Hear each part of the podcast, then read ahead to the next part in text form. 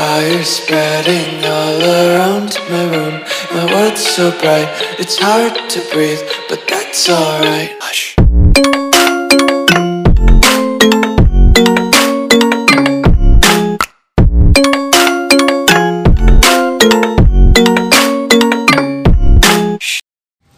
Assalamualaikum warahmatullahi wabarakatuh Balik lagi di podcast Anabel Episode ke-6 tanggal 24 September 2019 Eh, Di episode ke-6 ini Wow, suara angin. Episode ke-6 ini Ana mau bikin podcast. Enggak sendiri sih ya Karena sekarang kita mau membahas suatu tema Yang pasti idola cewek-cewek banget lah gitu ya. Eh karena anak nggak sendiri jadi aku bakal ditemenin sama seseorang yang sangat spesial gitu loh Indomie ya gue. ya ayo kita perkenalan dulu lah ya Halo, ini namanya apa nih? Sahabat podcast Ana atau konco Ana atau apa nih? apa wela pendengar Oh ya, halo pendengar eh, podcastnya Ana. Nama aku mm, Anissa Lutfia. Jadi aku temennya Ana dari S1 waktu di Telkom dan sekarang kita lagi mengenyam pendidikan di Mengenyam. mengenyam. Kata lain mengenyam apa ya? nyangges lah Ya itulah pokoknya di Pasca Sarjana Vkom Unpad.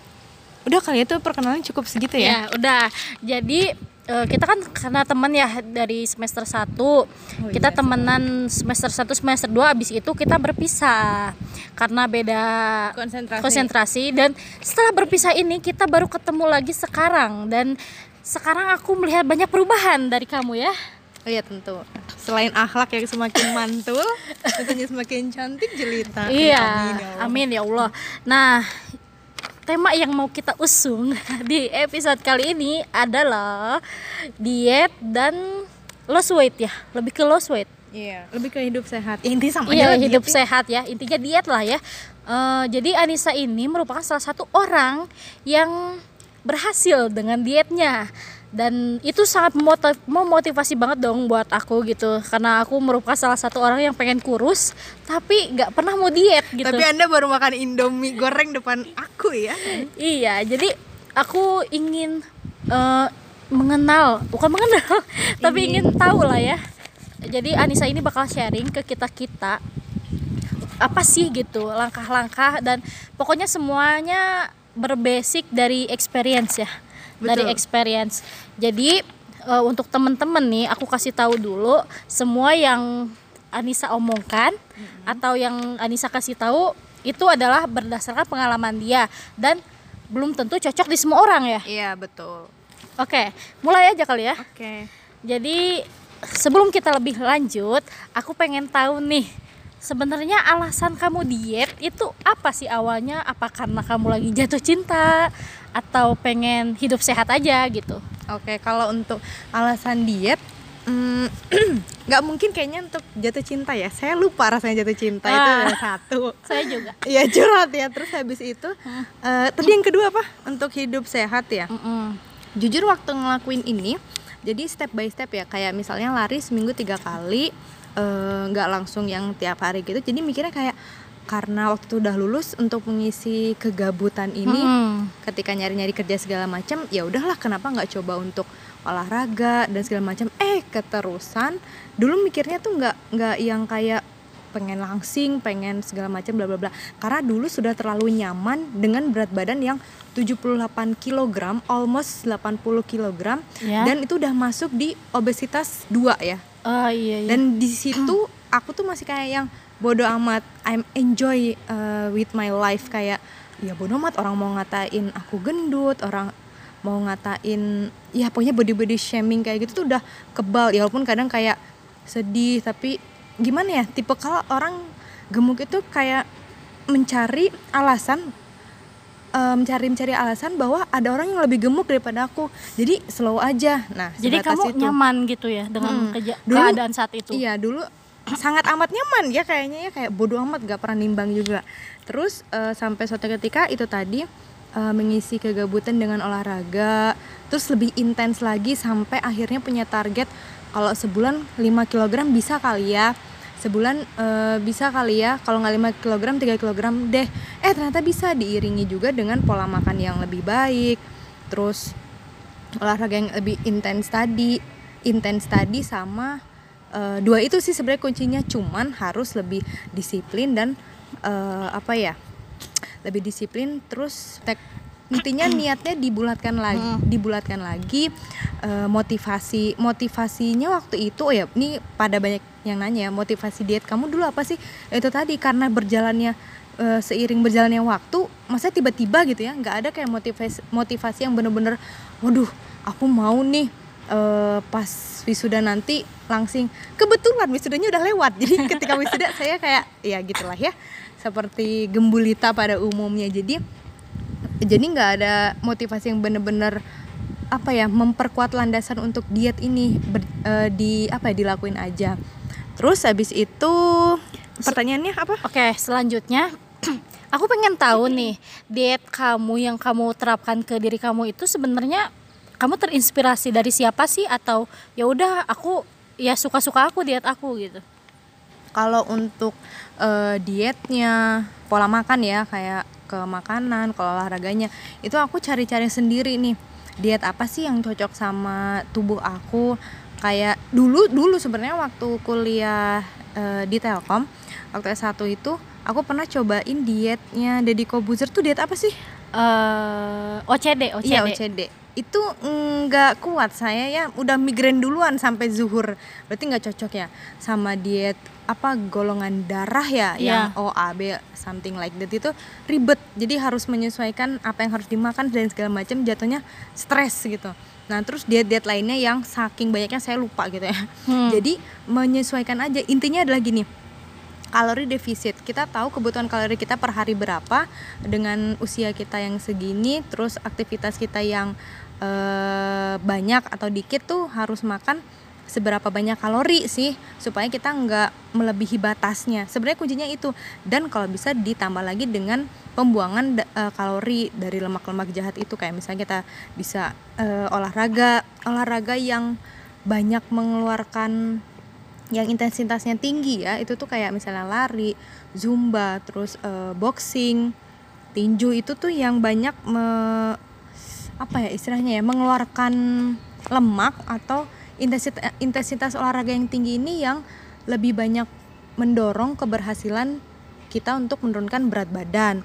Tapi kalau kayak misalnya untuk menjaga berat badan sih eh, yang kayak senam-senam biasa itu juga bisa tergantung intensitasnya juga Oke, jadi disesuaikan ya dengan kebutuhan Kit- kita mau nurunin badan berapa ya mungkin intensitasnya dibesarkan seperti itu. Jadi sebelum apa ya sebelum bikin podcast ini kan aku sempat baca blog kamu ya. Di blognya itu ada beberapa part, yaitu ada lima part ya. Eh, mungkin kita bahas dari itu aja kali ya, maksudnya Boleh, biar boleh. berurutan iya yang part pertama itu olahraga gitu ya coba sebenarnya olahraga itu eh, apa ya yang kamu terapkan olahraga yang seperti apa yang kira-kira bisa memberikan defisit kalori yang cukup besar gitu selain yang tadi kamu sebutkan Oke, jadi ini di sini aku garis bawahin ya. Kalau emang kalian pengen eh, berat badannya turun eh, dan ada spesifikasi turunnya tuh jelas gitu ya, atau pengen cepet turun lah ya bisa dibilangnya. Itu dengan didorong dengan olahraga. Nah, jadi di sini tuh yang tadinya aku seminggu tiga kali olahraga, jadi setiap hari.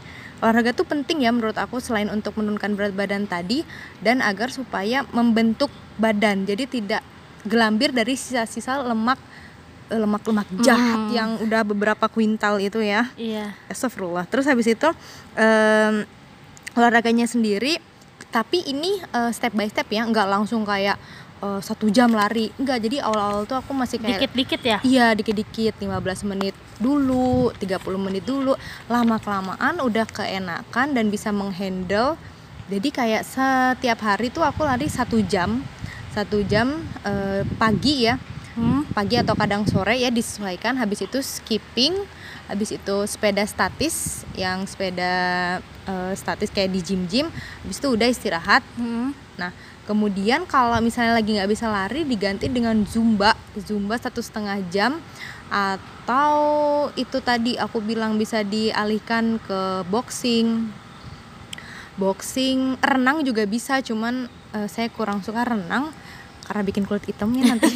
Terus jadi kayak lebih ke lari di pagi hari sekalian menghirup udara yang masih segar di kota Bandung Dan ini. itu gratis ya. Iya, Iya. iya, iya bener. Kenapa saya mik- eh, aku mikirnya lari ya ini campur saya dan aku abis kuliah ya bu, oh, mohon maaf. Lanjut. Iya, itu tuh jadi karena aku mikirnya gini kalau waktu itu lari di komplek ya itu gratis, cuman modal nawa itu sama jaket sepatu segala macam. Tapi kalau kita zumba segala macam, kita harus keluar modalin duit. Iya, modalin duit, ketemu orang-orang dan dan ini ya tolong digarisbawahi ketika kita ketemu suatu komunitas atau ya geng lah ya di luar sana pasti ada ajakan habis olahraga ngebakso yuk nge ini yuk nge anu yuk Gagal dong. maaf kita harus punya apa ya kekuatan ah, harus punya mental untuk bilang tidak gitu ya. Nah itu yang aku kurangi. Jadi aku pernah tiga bulan tuh eh, intens eh, zumba di luar. Setelah aku pikir-pikir wah terlalu ini ya eh, boros juga segala macam belum bensin parkir dan tetebeng yang lainnya. Terus habis itu aku download lah tuh di YouTube. Dan itu juga sama aja pengurangan kalorinya juga sama aja. Malah kita lebih apa ya lebih kreatif gitu meng Gerakan ya. Iya gerakannya. Terus kayak bisa disesuaikan dengan jamnya. Kalau kita di luar tuh kan malah kita yang mengikuti sebenarnya Iya. itu.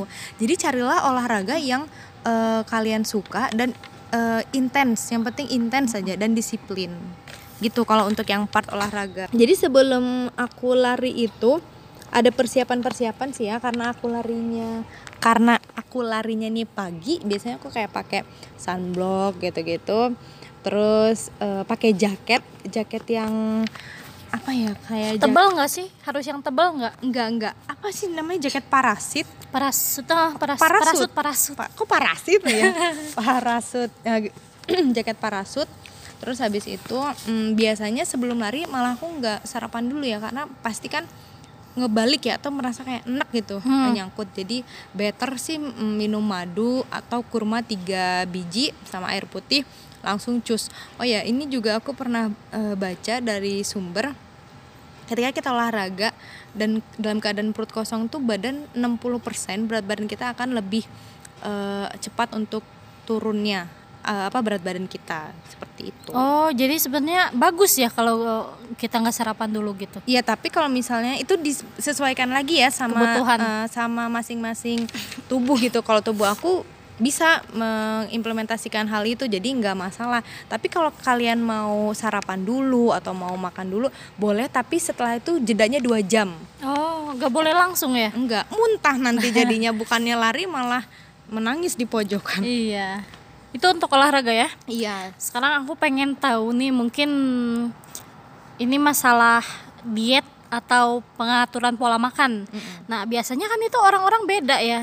Eh, ada yang nggak makan nasi, ada yang nggak makan lemak, ada juga yang menyarankan kalau diet DB, di EBM itu biasanya justru nggak makan nasi tapi lemak dibanyakin. Nah, aku pengen tahu kalau versi kamu, versi kamu tuh kayak gimana sih? Diet yang seperti apa, makanannya gimana?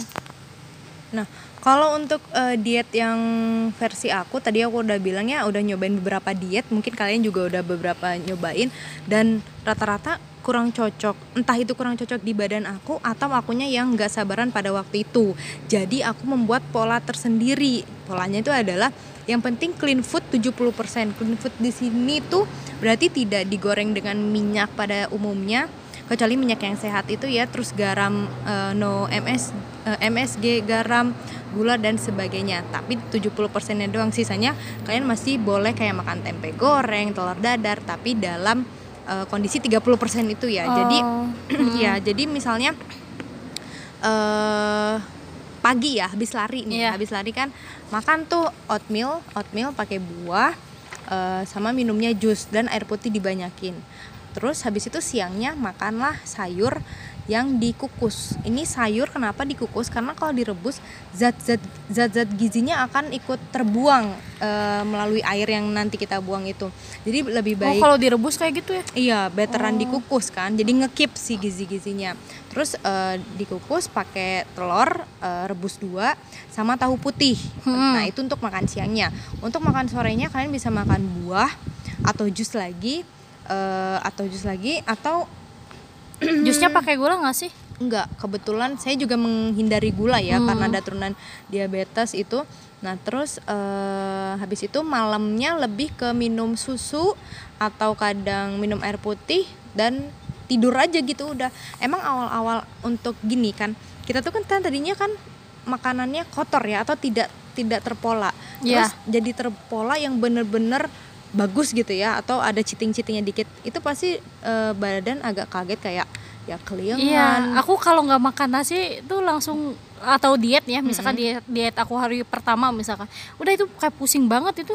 Kenapa ya? dia itu kaget Oh, tapi belum dari terbiasa iya ya. kita kan ber- perlu adaptasi kita aja kalau di lingkungan baru perlu adaptasi kan Iya. apalagi tubuh kita yang sedemikian sempurna dibuatnya oleh Tuhan pasti kita perlu adaptasi dan kita nih mau menentukan nih mental kita nih mau maju tetap terus ke pola hidup sehat atau mundur balik ke pola hidup yang kurang sehat itu tadi sih nah untuk yang makan nasi karena dulu aku makan nasi sepuasnya kayak nggak ada takaran Hmm. gitu ya kayak wow amazing banget. Itu kayak mm, semenjak diet ini aku tetap makan nasi nasi putih tapi seminggu tiga kali.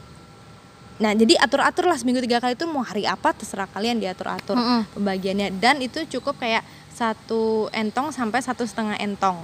Eh, apa entong you know entong? Centong, ya centong, centong. kalau di aku entong bu ya. Terus habis itu tapi sekarang udah nggak makan nasi eh nggak makan nasi udah nggak makan nasi dari beras putih tapi dari beras merah. Itu satu dari lain hal karena kalian tahu sendiri beras merah eh, serat lebih berserat Ya. lebih bagus dari segi gizi dan segala macam lebih mengenyangkan dan karena nasi putih itu selalu membuat saya mengantuk nggak tahu kenapa bener deh kalau makan bener? Eh, kalau makan nasi putih tuh aku ngantuk gitu loh kayak nggak mood aja Kalau begah nasi begah. merah gimana? kalau nasi merah Nggak ngaruh? kenyang enggak kenyang tapi kayak masih semangat Beb. Tapi itu ke pencernaan ngaruh nggak sih?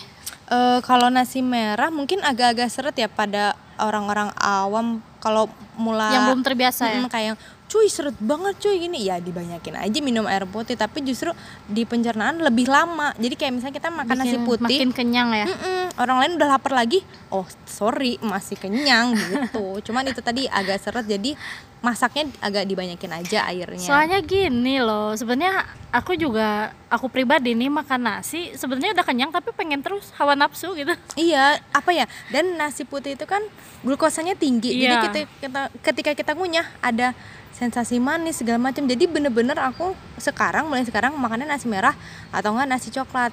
Tapi lebih fokusnya ke nasi merah. Susah kan ya cari Iya, nasi beras coklat. coklat. Itu beras coklat malah lebih Apa serat nasi? lagi. Apa ada beras Ada, coklat? ada. Aduh, Oh, ke mana ada. aja nih temen aku ya? Ada, cuman agak sulit ya nyari itu harus di supermarket yang besar gitu. Hmm, Jadi eh, fokusnya ke beras merah yang udah cukup gampang lah ya dicari. dan bagus juga itu. Nah, karena sekarang berat badannya udah ideal nih ya, alhamdulillah. ya Alhamdulillah. ya. Makan makanlah sewajarnya tapi tidak balik seperti dulu. Paham kan maksudnya? Ha-ha. Jadi ketika pengen bakso ya makan aja, tapi nggak kayak dulu yang bisa seminggu tiga kali makan bakso gitu kan kayak eh lagi pengen ya udah beli.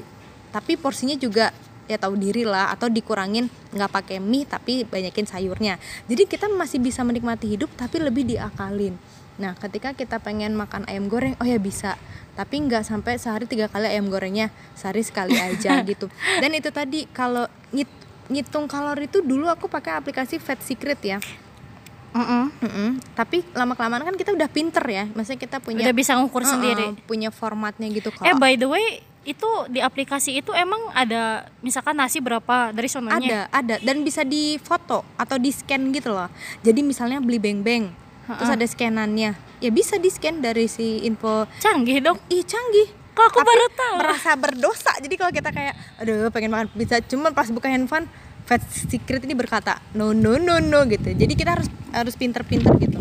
Untuk sekarang aplikasi Fat Secret udah aku hapus karena itu tadi udah bisa ngitung eh, secara manual dan udah terbiasa yang itu Ah, udah terbiasa sebenarnya kuncinya itu tadi balik lagi harus eh, defisit kalori Oke, sekarang ngomongin motivasi saat diet nih. Kadang, udah aku mah gak usah diceritain gitu ya. Tapi kadang kalau misalkan kita lagi di tengah-tengah diet, itu kadang ada jenuh dong. Pasti itu pasti ada. Nah, gimana sih mensiasati hal tersebut gitu? Jadi kalau ketika kita jenuh ya, sama kayak lagi kita berhubungan asmara, ketika kita jenuh ini, kita jangan fokus ke jenuhnya, tapi kita fokus lagi tujuan kita nih apa. Untuk tadi kan menur- menurunkan berat badan kan, masa udah sejauh ini aku pernah di titik ketika 60 kg nggak turun-turun lagi gitu kayak wah ini kok stuck. Itu tuh lagi berproses gitu tubuh kamu tuh lagi berproses dia tuh lagi berproses yang tadinya makan kurang baik jadi baik terus kan. Dan ini lagi berproses jadi sabarlah. Nah ketika kamu tubuh kamu lagi berproses harusnya otak kamu hati kamu dan pikiran-pikiran kamu ini juga harusnya mendukung proses itu bukan malah kayak balik lagi oh ya udahlah udah nggak turun-turun lebih Udah baik bete gitu, "Oh, balik udah bete, lagi." balik lagi weh makan segalanya yang kotor-kotor. Jangan itu lebih kayak fokus aja dan eh, nggak usah terpengaruh sama lingkungan. Jadi intinya adalah pikirkan lagi apa yang udah kamu perjuangin sampai detik ini. Nah ketika kita jenuh ketika kita jenuh sebenarnya tuh eh, kita hanya kurang apa ya mungkin entah kurang hiburan mungkin ya. Hiburan ya. Heeh, stres. Nggak apa-apa ketika bener-bener jenuh aku pernah tuh jenuh. Aku kayak makan suki seharian bener-bener sampai yang kembung Cheating day itu ya? ya cheating day itu. Ya udah nggak masalah tapi besoknya ya balik lagi. Cheating day itu perlu tapi tetap tahu apa ya tahu sikon, Batasnya. mm, tahu batasannya. Kalau tiap hari cheating day bukan diet namanya itu lebih kayak hambur-hambur duit ya Nah, aku pengen tahu kamu cheating day-nya berapa biasanya? Berapa minggu sekali? biasanya kalau cheating day dulu ya ketika lagi Hmm. berjuang menurunkan berat badan tuh kalau nggak di Sabtu Minggu Weekend ya? Iya, kalau nggak di Sabtu Minggu karena ada kondangan itu udah termasuk cheating day. Gak mungkin di di kondangan saya cuma minum air putih kan sayang banget ya. Jadi Iya. cheating day itu bener dan pikirin gitu apa yang minggu ini pengen makan apa yang bener-bener aku Pengen ngiler ya. banget ya. Oh, oh Shilin sama chat time. Oke, beli itu. Udah, udah terpuaskan, udah kan cukup. Ya udah. Dan makannya dinikmati jangan kayak gerasa gerusuk karena ketika kita menikmati makanan ya kita bener-bener kayak oh ini loh rasanya Jadi nggak ngiler Oh, lagi jadi ntar. nggak ngiler lagi. Ternyata ujung-ujungnya B aja ya, karena kita udah terbiasa dengan nikmatnya makanan yang sehat. Oh ya, gitu. berarti kamu merasakan kenikmatan. nikmat. Jadi eh, ini juga eh, menurut aku ya, dulu tuh aku sering banget beli chat time. Mungkin teman-teman aku yang waktu di Telkom dulu tahu ya kayak ke mall chat time, ke mall chat time. Sekarang tuh kayak banyak minum air putih, infus water itu ya. Jadi kalau manis tuh jarang banget kecuali kayak pengen banget jadi tubuh aku tuh juga kayak memberi sinyal udah air putih aja air putih aja gitu air mineral aja gitu nggak usah yang manis-manis kecuali emang lagi pengen ya kayak untuk menaikkan gula darah segala macam jadi eh, selain hemat di kantong ke tubuh tuh lebih apa ya lebih ringan karena kalau kebanyakan gula satu ngantuk malas gerak bawaannya pengen tidur mageran lah ya Oh, itu heeh. sebenarnya j- Berarti itu juga efek dari gula ya, kebanyakan gula ya. Iya betul. Itu aku pernah ya baca juga eh, penelitian satu gelas chat time kecil ya yang reguler itu Heeh. itu sama dengan seperempat apel. Seperempat, Seperempat apel. apel. Kalau dianalogiin mending aku makan apel. Enak lagi. iya, nyata lagi bentuknya kalau chat time tuh boleh boleh makan chat time. Aku eh makan minum aku juga masih minum chat time kayak ya sebulan sekali dua bulan sekali itu bener-bener aku pengen ya bukan hanya kayak wah ada promo wah ada Hmm. promo. Please kita udah dewasa eh. Kita masa. Mulai. Selanjutnya eh efek mungkin efek teh apa sih? Kalau efek ya, itu efek apa sih sebenarnya? kalau yang aku tulis di blog ini efeknya yang setelah jadi gini, efeknya itu ada beberapa macam tapi langsung aku persingkat aja. Ya. Efek ketika orang-orang lihat aku berubah ini, aku tuh aku tuh rasanya nggak berubah ya, kecuali dari size kayak baju segala macam ya. Mm-mm. Tapi aku masih merasa ya diri aku. Masa iya aku nyawanya terbang kan nggak mungkin ya bu ya. Jadi- Mati dong. Iya. Atau terganti sama Raisa kan Ih, itu lebih nggak nggak mungkin. mungkin. Terus kayak eh, mungkin orang nanya, wih berubah ya lu sekarang, lu sakit, lu diet apa? Oh, disangkanya gitu ya. Mm-mm. lu eh, sedot lemak itu kayak wow miliarder banget aku sampai bisa sedot lemak atau kayak "Eh, lu edit Photoshop itu orang yang ngomong gitu yang lihat dari foto doang, Doang, ya itu kayak ngakak aja saya cuma bisa fix art sorry soalnya iya maksudnya pas eh, aku pernah lihat foto kamu aku juga kaget gitu terus aku lihat komentarnya juga banyak banget yang kaget gitu nah akhirnya kan kita baru ketemu lagi saat wawancara. Dan wow aku sangat melihat sesuatu yang berbeda gitu dari sebelumnya. Dan itu membuat inspirasi untuk aku gitu di sini juga eh, yang aku dapetin adalah jadi belajar lebih soal kesehatan dan gaya hidup ya. Jadi lebih mengenal diri aku apa yang harus aku kasih ke tubuh aku dan apa yang aku harus lakuin supaya jiwa dan pikiran aku tuh jauh lebih sehat. Intinya aku jadi lebih menyayangi dan menghargai tubuh aku. Dan juga mengajak orang-orang yang aku sayang kayak orang tua itu eh, mama papa aku dan sahabat-sahabat aku. Bahkan dari semenjak keberhasilan diet ini, wede keberhasilan.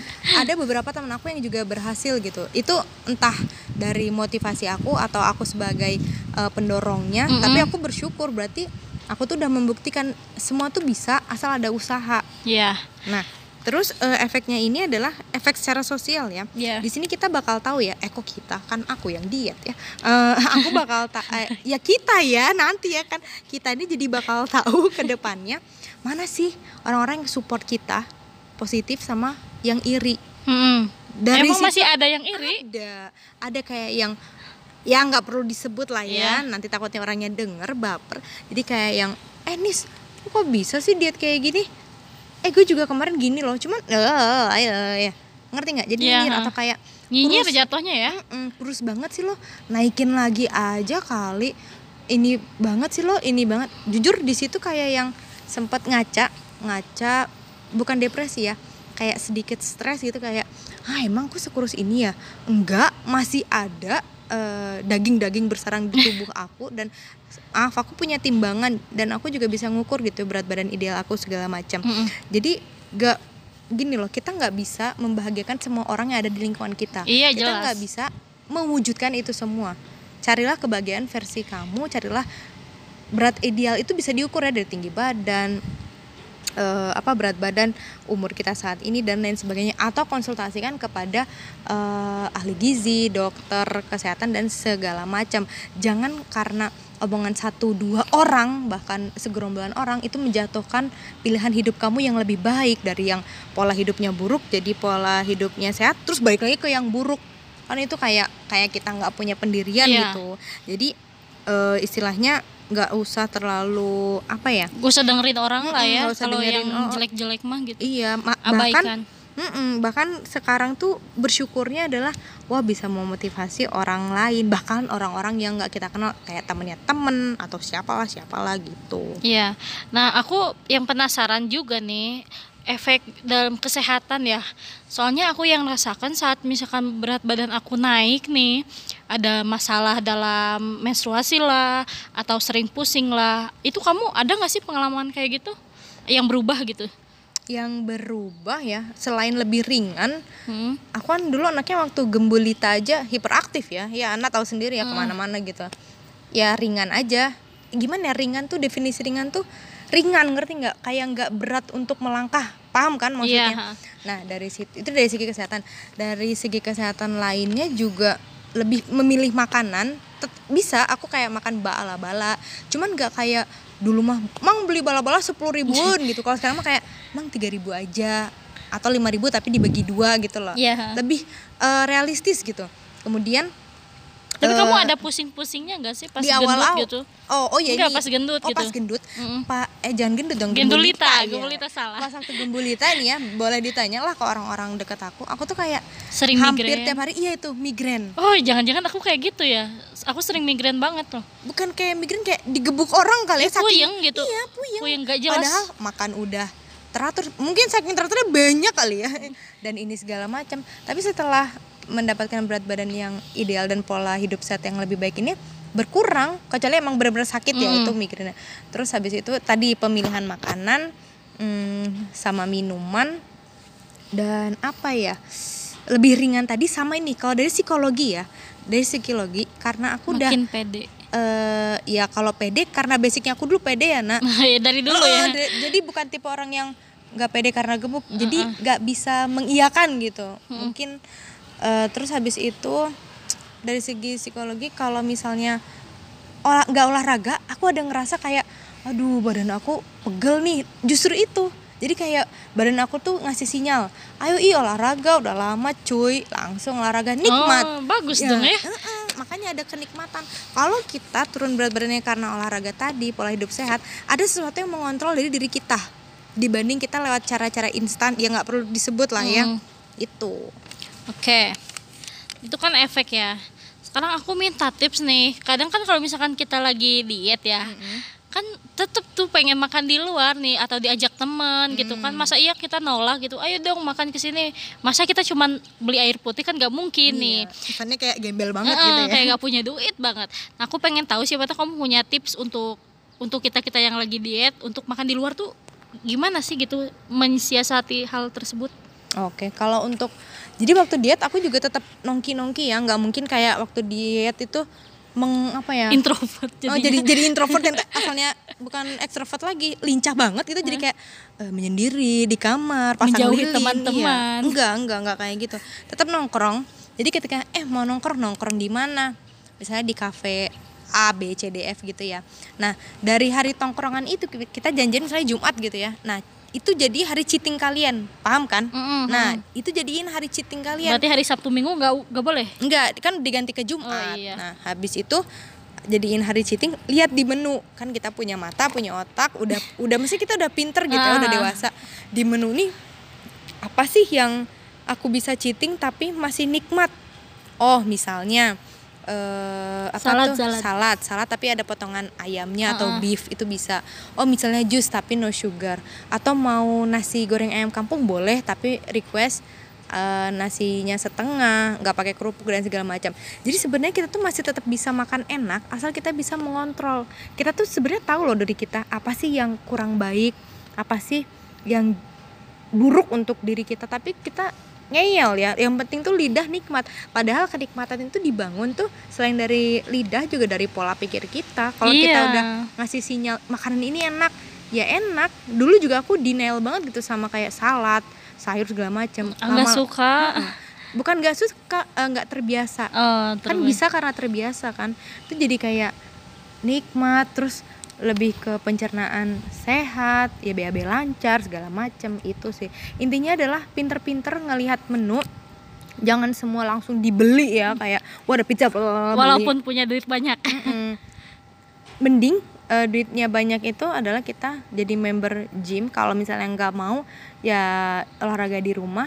Ya limpahkanlah si uang yang banyak itu tadi. Kayak misalnya gini deh waktu aku dulu gemuk jajan aku lebih banyak daripada eh, skincare sama baju nah sekarang Mm-mm. dibalik Eh, jajan jajannya kan dikit ya dilimpahinlah ke skincare jadi kita udah ideal tapi eh, kulit juga Glowing. eh, glowing Shining, menunjang. shimmering, splendid. Iya, terus habis itu eh, bisa nabung, itu yang penting. Itu juga keuntungannya ya. Jadi, Jadi- hemat nggak sih? Iya betul. Jadi jangan terlalu mem, jang, pas buka menu tuh jangan langsung mindsetnya, wow kayak kesurupan kuda kepang gitu kan. Jangan, jangan tolong dilihat dulu baik-baik apa-apa apa segala macam. Jadi emang bener sih kadang gini nih, kadang aku udah makan sebenarnya, Hmm. tapi kalau lihat di GoFood itu, ya pengen, aduh pengen ini pengen ini, padahal udah kenyang gitu. Itu mindset berarti ya. Itu tuh sebenarnya cuman kayak hawa nafsu sama kayak kita beli baju. Ih pengen ini pengen itu lucu. Padahal baju di lemari udah sangat amat banyak dan seminggu yang lalu baru aja nih ke Zara, seminggu lalu baru aja nih ke H&M. Heeh. Sebenarnya kita tuh bisa mengontrol mengontrol, tapi kita sendiri yang tidak bisa mengontrol, paham kan maksudnya? Iya. Nah itu lebih ke apa ya? Hmm, kontrol lagi deh kayak Mana yang emang bener-bener lapar Heeh. gitu ya, sama yang ah cuman selewat pengennya gitu. mm, kalau cuman kayak selewat, jadi kan aku juga bisa yang membedakan mana lapar tipuan sama lapar beneran ya. Kalau cuman selewat, mending minum air putih. Kan udah tuh misalnya dua gelas. Ketika itu beneran lapar kan masih kerasa tuh. Iya. Coba buah, ya kan? Buah. Ketika beneran masih lapar, ya udah makan. Oke. dan ketika makan itu kan jadi nggak banyak karena udah tersumbang oleh buah tadi sama si air putih. Logikanya gitu. Lebih ke kayak taktik lah. Jadi kita bisa Pinter-pinter kita Heeh, ya. ngakalin tubuh kita tubuh kita juga ngerespon. Dan lama kelamaan udah ter mengikuti format yang seperti itu. Oke nih, kalau untuk masalah buah-buahan nih, kan kalau misalkan kita ngikutin orang lain mah ya buah-buahannya teh marah gitu. Kayak semangka, melon dan lain-lain. Untuk anak kos nih ya gitu, kira-kira buah yang emang bagus tapi ya murah lah gitu, gampang dapetnya. Hmm. Kalau buah sih ya aku anjurin ketika kita lagi diet gitu dan emang murah pisang. Pisang, Iya, kita pisang kalau beli satu sisir ya misalnya berapa sih sekarang pisang 20 25 lah ya. mahal anjir sepuluh ribu. Oh sepuluh ribu ya? Iya, aku yang 20 di 25 warung. kayaknya yang mulus oh Iya, iya. yang Yaudah, yang penting yang penting pisang lah ya. Nah itu kan satu sisir ada berapa sampai 10 buah kan? Heeh. Hitung aja sehari dua. Wow udah lumayan dong. Itu tuh sehari dua itu buat pagi sama malam. atur-atur aja Oh. terserah. Yang penting jatuhnya dua gitu. Mm-mm. Nah atau sehari juga sa- atau satu nggak masalah ya tergantung gede atau kecilnya pisang ya bu ini. Terus habis itu padu padankan dengan oatmeal itu tadi. Kalau aku Oke. sukanya gitu ya. Nah kalau buah itu eh, tomat. Jadi aku tuh anaknya nggak monoton pisang terus kan enak ya. Mm. Semangka tuh sebenarnya bagus loh karena kadar airnya tinggi. Semangka, eh, tomat, terus habis itu tadi apa? Pisang di anggur juga.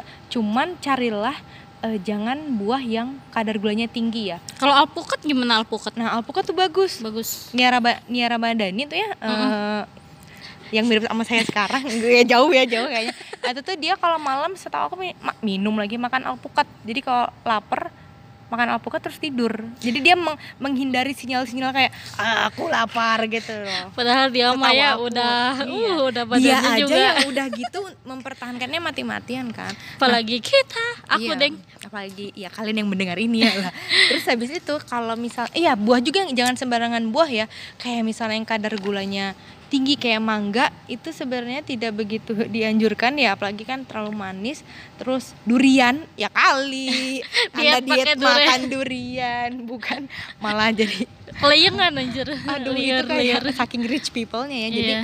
ya jus-jus wortel Sebenarnya jus- berarti banyak ya yang murah-murah gitu, kurma, terjangkau. kurma itu tuh tiga biji aja ya Mhm. enak eh enak ya enak Bikin Maksudnya kuat. kuat dan kenyang gitu makanya aku jarang kayak karena aku tipe orang yang nggak bisa sarapan pagi langsung berat nasi uduk gitu nggak bisa ya. Ah, malah jatuhnya kayak cuy berat banget gitu jadi eh, kadang kurma tiga atau eh, itu tadi Ganjil. oatmeal. Ya kan baiknya Iya, ganjil. atau oatmeal itu. Kalau buah eh, itu ya dicocokkan dan disesuaikan aja sama mood. Cuman itu tadi dilihat yang jangan yang kadar gulanya tinggi juga. Jatuhnya nanti malah eh, masuknya si gulanya tinggi jomplang gitu maksudnya kita tadinya mau menghindari gula eh malah meninggikan kadar gula iya. gitu Sebenarnya kadar gula itu Nis, aku pernah baca juga dari blog kamu ini. Mm-mm. Eh, gula itu sebenarnya kalau saat kita lari itu 30 menit ngurangin gula apa gimana sih? Oh jadi gini, jadi ketika oh ya ini tips juga ya, ketika kita olahraga, kenapa aku olahraga tuh kadang satu jam atau bahkan di atas satu jam ya kayak yang pernah juga sih dua jam, tapi seringnya satu setengah jam ya ini. Ini eh, jangan terlalu mempressure kalau belum terbiasa. Jadi gini, ketika kita olahraga itu eh, itu juga ada eh, aku dapat dari dari apa dari sumber dari bacaan apa dari mana ya aku agak lupa itu tuh jadi kalau kita olahraga 30 menit pertama itu membakar gula gula yang ada di tubuh kita Bukan lemah. Belum. Aduh. lemak itu di eh, 30 menit selanjutnya. Jadi bayangkan dan renungkan ketika kita baru lari yang lari sok cantik gitu lah yang sampai story 30 menit tapi ecek-ecek itu itu belum lemak. Itu gula itu juga gulanya kayak baru seperempat kali ya. Maksudnya kayak oh berarti kalau mau mangkas lemak ya itu tadi satu jam atau Uh. lebih juga better. Karena 30 menit di awal itu belum lemak tapi baru gula. Sepemahaman. Jadi itu tadi ya kita karena kita ngulik karena eh, aku di- dietnya ini bener-bener sendiri jadi aku kan mempelajari ya. Searching-searching Heeh, gitu searching ya. searching terus di di apa ya di verifikasi apakah bener nih kata ini kata itu. Oh ternyata bener ya udah kita ambil ilmunya. Eh ternyata masih 50-50 nggak usah terlalu dipeduliin gitu. Jadi kesimpulannya adalah lebih menyesuaikan ya dengan apa ya dengan kebutuhan kita ya sebenarnya. Mm-mm. jadi kita jangan tergantung pada ah karena pengen diet ini diet ini tapi ternyata nggak cocok jadi jatuhnya kayak me- apa ya merusak diri. Sampai ada yang sakit itu ya biasanya gitu ya. Iya. karena badan tidak cocok belum sanggup ini langsung diberikan diet yang emang berat gitu. Mm, langsung terbeban gitu. Dan kalau saran aku ya ketika kalian punya program untuk menurunkan berat badan diet dan segala macam misalnya kalian punya teman ketika teman kalian berhenti di tengah jalan jangan peduliin. Lebih baik tuh ya kalian sendiri deh. Karena waktu aku sendiri pun aku ngerasa kayak ya udah aku berjuang untuk aku sendiri eh, olahraga sendiri. Takutnya gini loh kalau kita ngikutin temen ngikutin orang ketika orang itu nggak olahraga atau udah nggak diet kita kayak yang oh ya udah deh. Malah nggak ada arah dan tujuan. Tapi kalau kehilangan gitu ya. Heeh, padahal kan ini untuk ki- diri kita sendiri. Jadi belum tentu orang lain tuh akan sanggup melakukan ini. Jadi jangan terlalu dengerin lah apa kata orang fokus aja ke targetnya. Misalnya target berat badan ideal menurut dokter adalah 55 dari tinggi badan segini. Ya udah fokus aja di situ. Tapi tetap eh, bahagiakan diri kalian dengan misalnya mentreat itu tadi ya. Ya ke salon nonton film belanja. Tetap hiburan. Tetap hiburan. Jangan jadikan diet ini adalah Beban. penghalang. Heeh. jadikan beban tuh. Ntar takutnya malah depresi kurus iya tapi kan pucat atau kayak nggak eh, sehat kayak jadinya. nggak sehat kayak kamu tipes enggak kan jangan sampai Ya, oke. Tadi udah disebutin belum sih kamu dari ki- kiloan berapa sampai ke berapa gitu? seingat aku ya waktu itu 78 tapi itu udah berkurang deh karena waktu sidang jadi sebelum sidang tuh sebelum sidang iya ngaruh. Aku soalnya waktu sidang tuh sempet turun nak. 2 apa 3 kilo. Ya udahlah. ya. berarti 80 sekian kali ya. Aku tipe orang itu tadi mentalnya jeleknya aku adalah ketika aku gembulita dulu bukan waktu aku gembulita aku nggak pernah nimbang itu tadi bodoh amat aku selalu mencari alasan "Aka- masih ada yang lebih gemuk santai masih ada yang lebih gemuk jadi nggak diet nggak diet segala macam itu tadi sampai sekarang di 53 which is itu 25 kg aku nurunin berat badan Wah, dalam waktu 8 bulan keren, keren, keren. Tepuk tangan, tepuk tangan. Ada efeknya ya? Ya, kasih efek ya nanti Kasih ya. efek. Jadi eh, tapi itu balik lagi ya, nggak semua orang bisa balik lagi ke mental masing-masing dan nggak semua orang secepat itu bahkan mungkin ada yang bisa lebih cepat ya kayak Guntur yang di YouTube itu itu dia Ah, lebih cepat dia ya. Apalagi dia konsultasi langsung ya ke Iya, dokter gizi. kalaupun nggak konsultasi ya terserah ya kalian bisa manfaatkan teman kalian yang sarjana ahli gizi. Maksudnya banyak lah opsi-opsi. Terus kalian juga Halo dokter, halo, Iya, halo dokter. Terus hello dok. aku belum pernah tuh kayaknya pakai hello dok dok saya mau diet gitu. terus atau enggak kayak sekarang kan banyak influencer ya kayak Lia Basyun terus siapa lagi ya influencer-influencer yang me- apa ya menyarankan untuk pola hidup sehat, Sehat. tapi nggak nyiksa begitu Ya, jadi intinya eh, belum tentu apa yang diceritain Anissa ini cocok juga ya sama tapi ini kalian. aku memotivasi aja dan Iya. kalau kalian emang mau pengen tahu eh, hasilnya dan eh, sharing-sharing segala macam boleh menghubungi aku di @anissa_lutfia. betul itu. Oke. Wah, udah lama banget nih. Iya. Udah lumayan lama ya. jadi debu nih di depan gedung.